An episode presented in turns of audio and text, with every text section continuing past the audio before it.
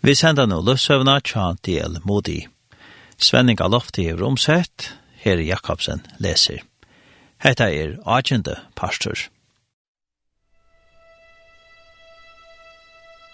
Heimskjente amerikanske pratikumævren Dwight L. Moody var føtter nærende byen Boston og i staten Massachusetts i 1823 og antaist i 1895. Til samanberingar skal sigast at Moti livde samstunde som skåten William Gibson Sloan, som var føttur i 1838 og som prædika i evangeliet i fyrjun. Havast Dwight L. Moody andaist einans 22 år gammal, hei han prædika fyrir mannfjöldun og i taldu meir enn 100 millioner, nekv meira enn nekar annar ta av døvun. Hesen vi er kjente og virte evangelium båbere, bæra en loande andans eld i barme søgnen, etter at leie menneskje til Kristus, etter at han nøytjan er gammal var omvender.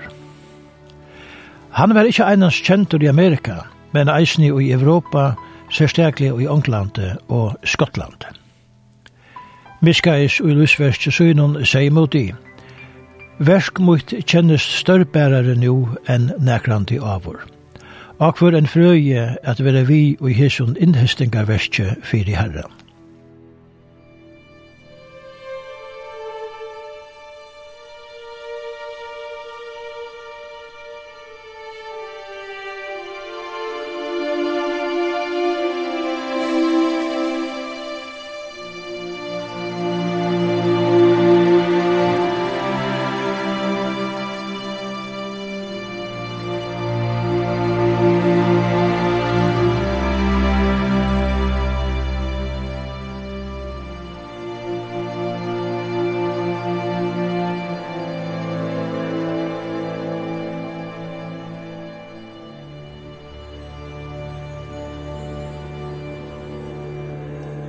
Og i personen fremalundan var greit fra at veletna var vidkjannen tja del Moti i England, gjørte han en meira kjentan i Amerika. Fyrste tøyina etter heimkomna helt han seg i frie fyrir at lesa og endurløa salsyna. Så han får han og møterøyer i større bojunan og i Amerika til dømes Brooklyn og i Ajandra og Troi og Alfjers. Og i Philadelphia taler han i en av stålen bygning her 15.000 folk var sauna. Henda vetren hei han møtt møtt jo i New York og Boston her tusentals mennesker kommer til trygg av Jesus.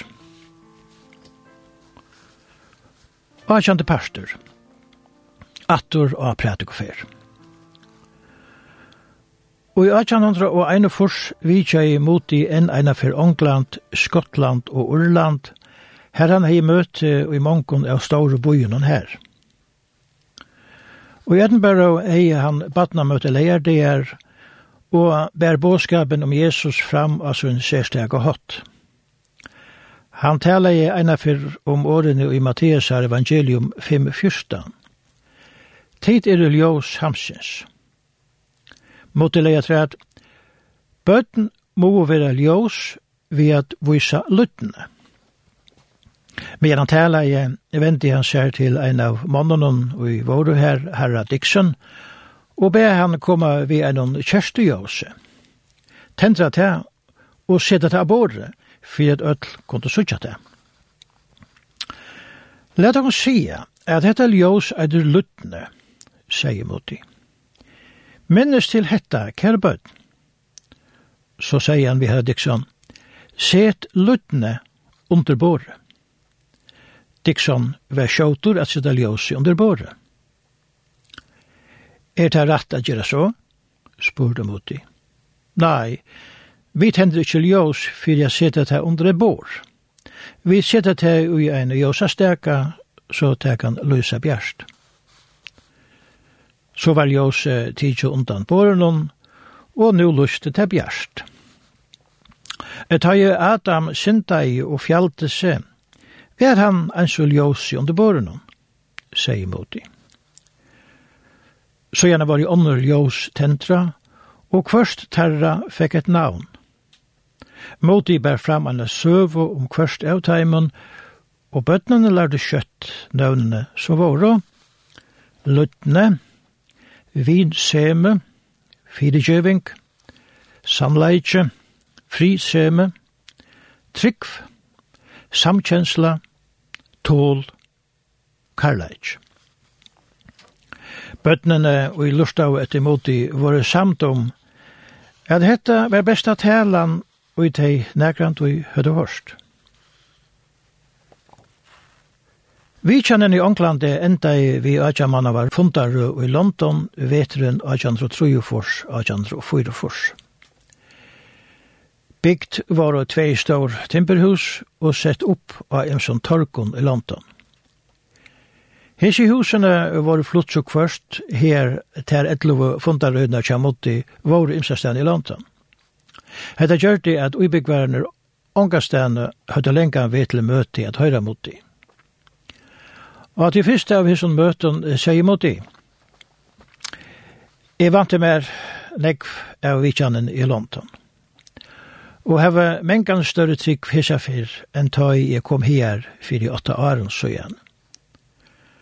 Så må sige at uslutene av fyrru fermoine er å fana borster. Men søgjan er var her seinast.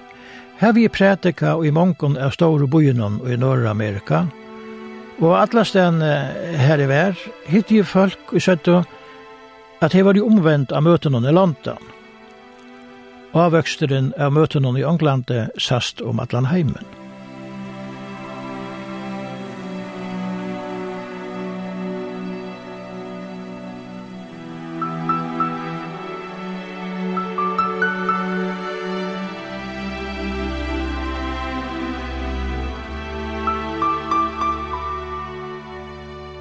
Kjenta blei Paul Walker sett skriva jeg. Hampa folk vi jo kjenner feien at de kjenner til sanki og moti. Andalig vakning sérstaklig hon og i hever sin opprona og i Amerika vil ikke rokna fyrir neka. Men nastan allar andalige rørslur byrja mittlen vanlige folkje, fiskjemenn, arbeidsmenn og timpermenn. Hese vera tog ikkje mykje virt at dem lærte om.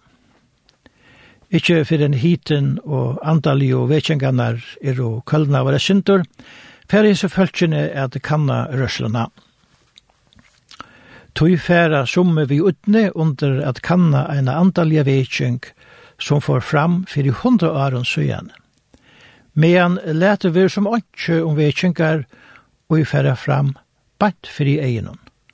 Ein så tar alls ikkje vereleik.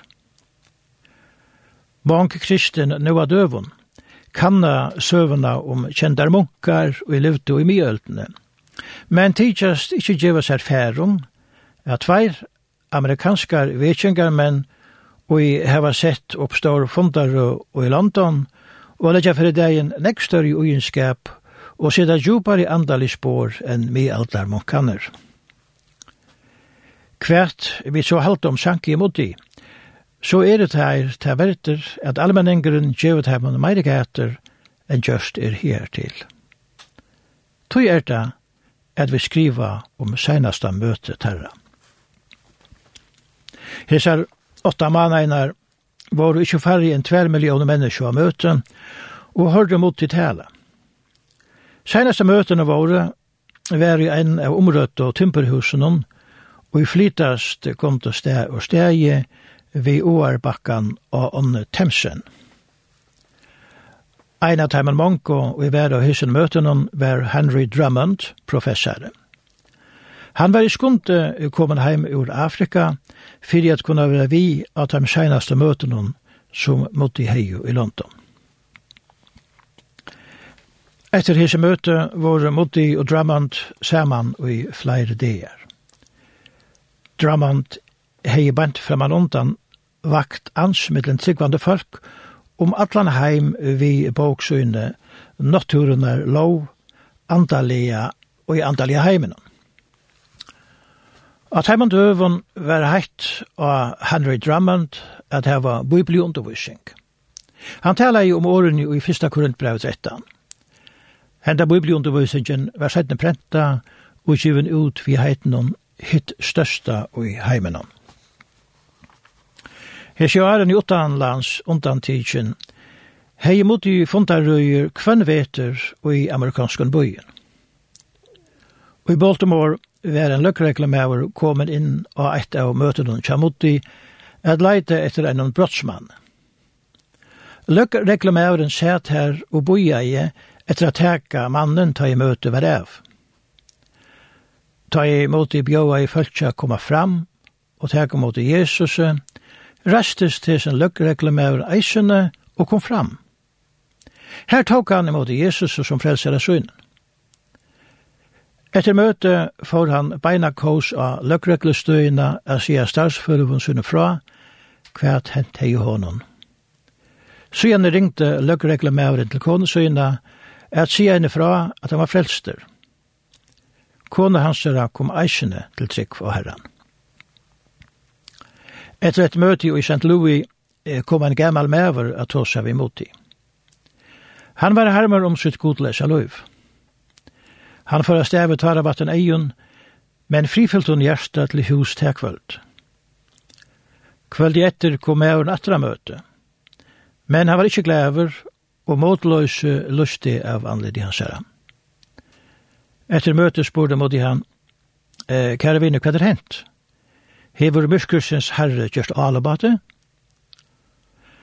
Herre måtti, dævren i det hever veri en tann ringaste dævren i loiumøyna. Uh, Sier meg hva det hent? Jeg eier flere giftbøten i bøyna, og jeg får av vitsje til i morgon fyrir at sier teimen hva det herren hever gjørst fyrir meg. Jeg sier teimen at det var frelster, men öll er hoa av meg.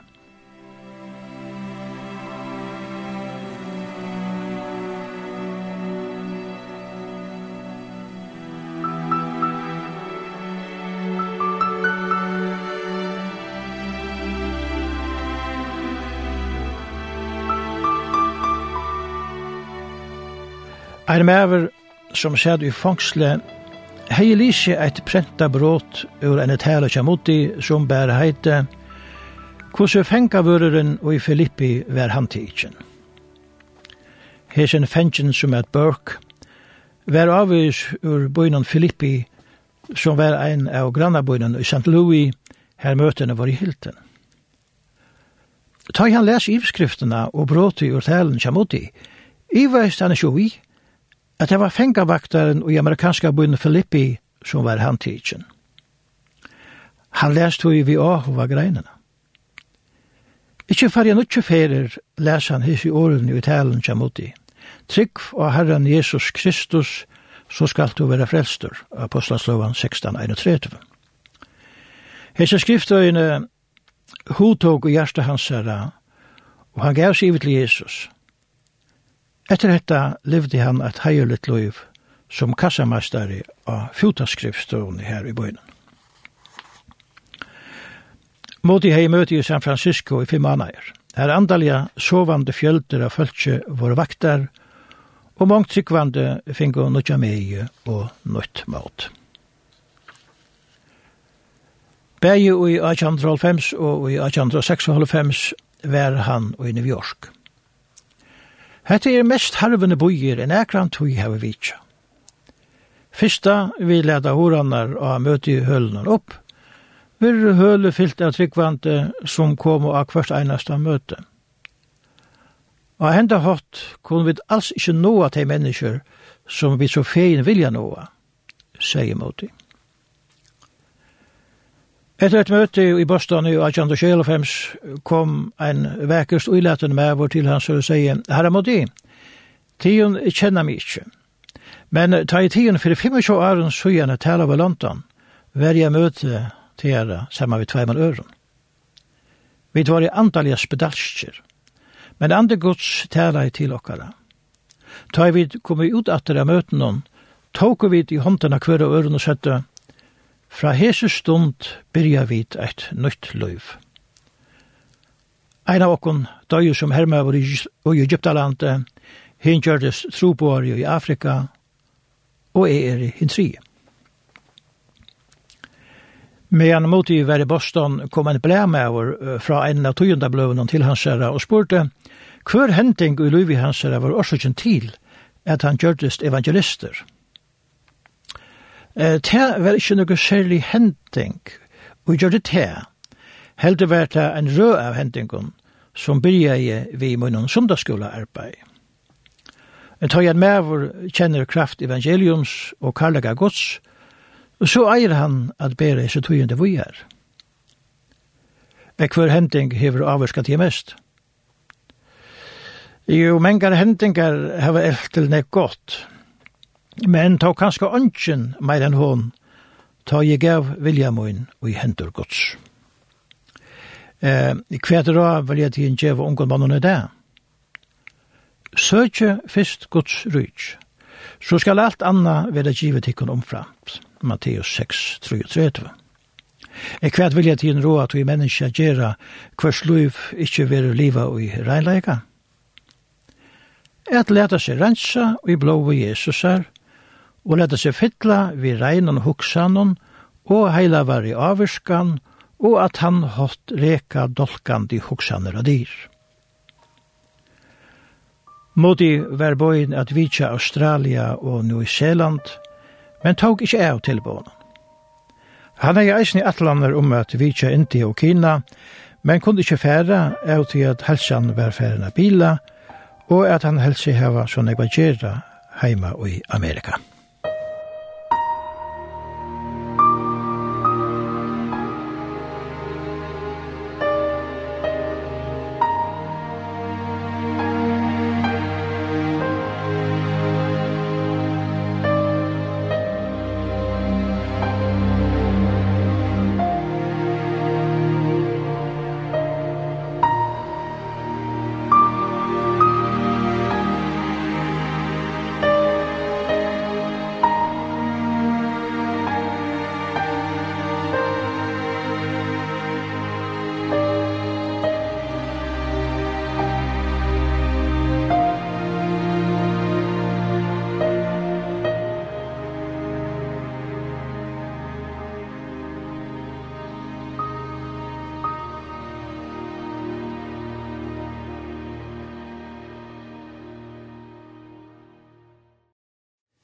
Vi har sendt Løvsøvna Tja del Moody, Svenning Lofte hever omsett, Herre Jakobsen les.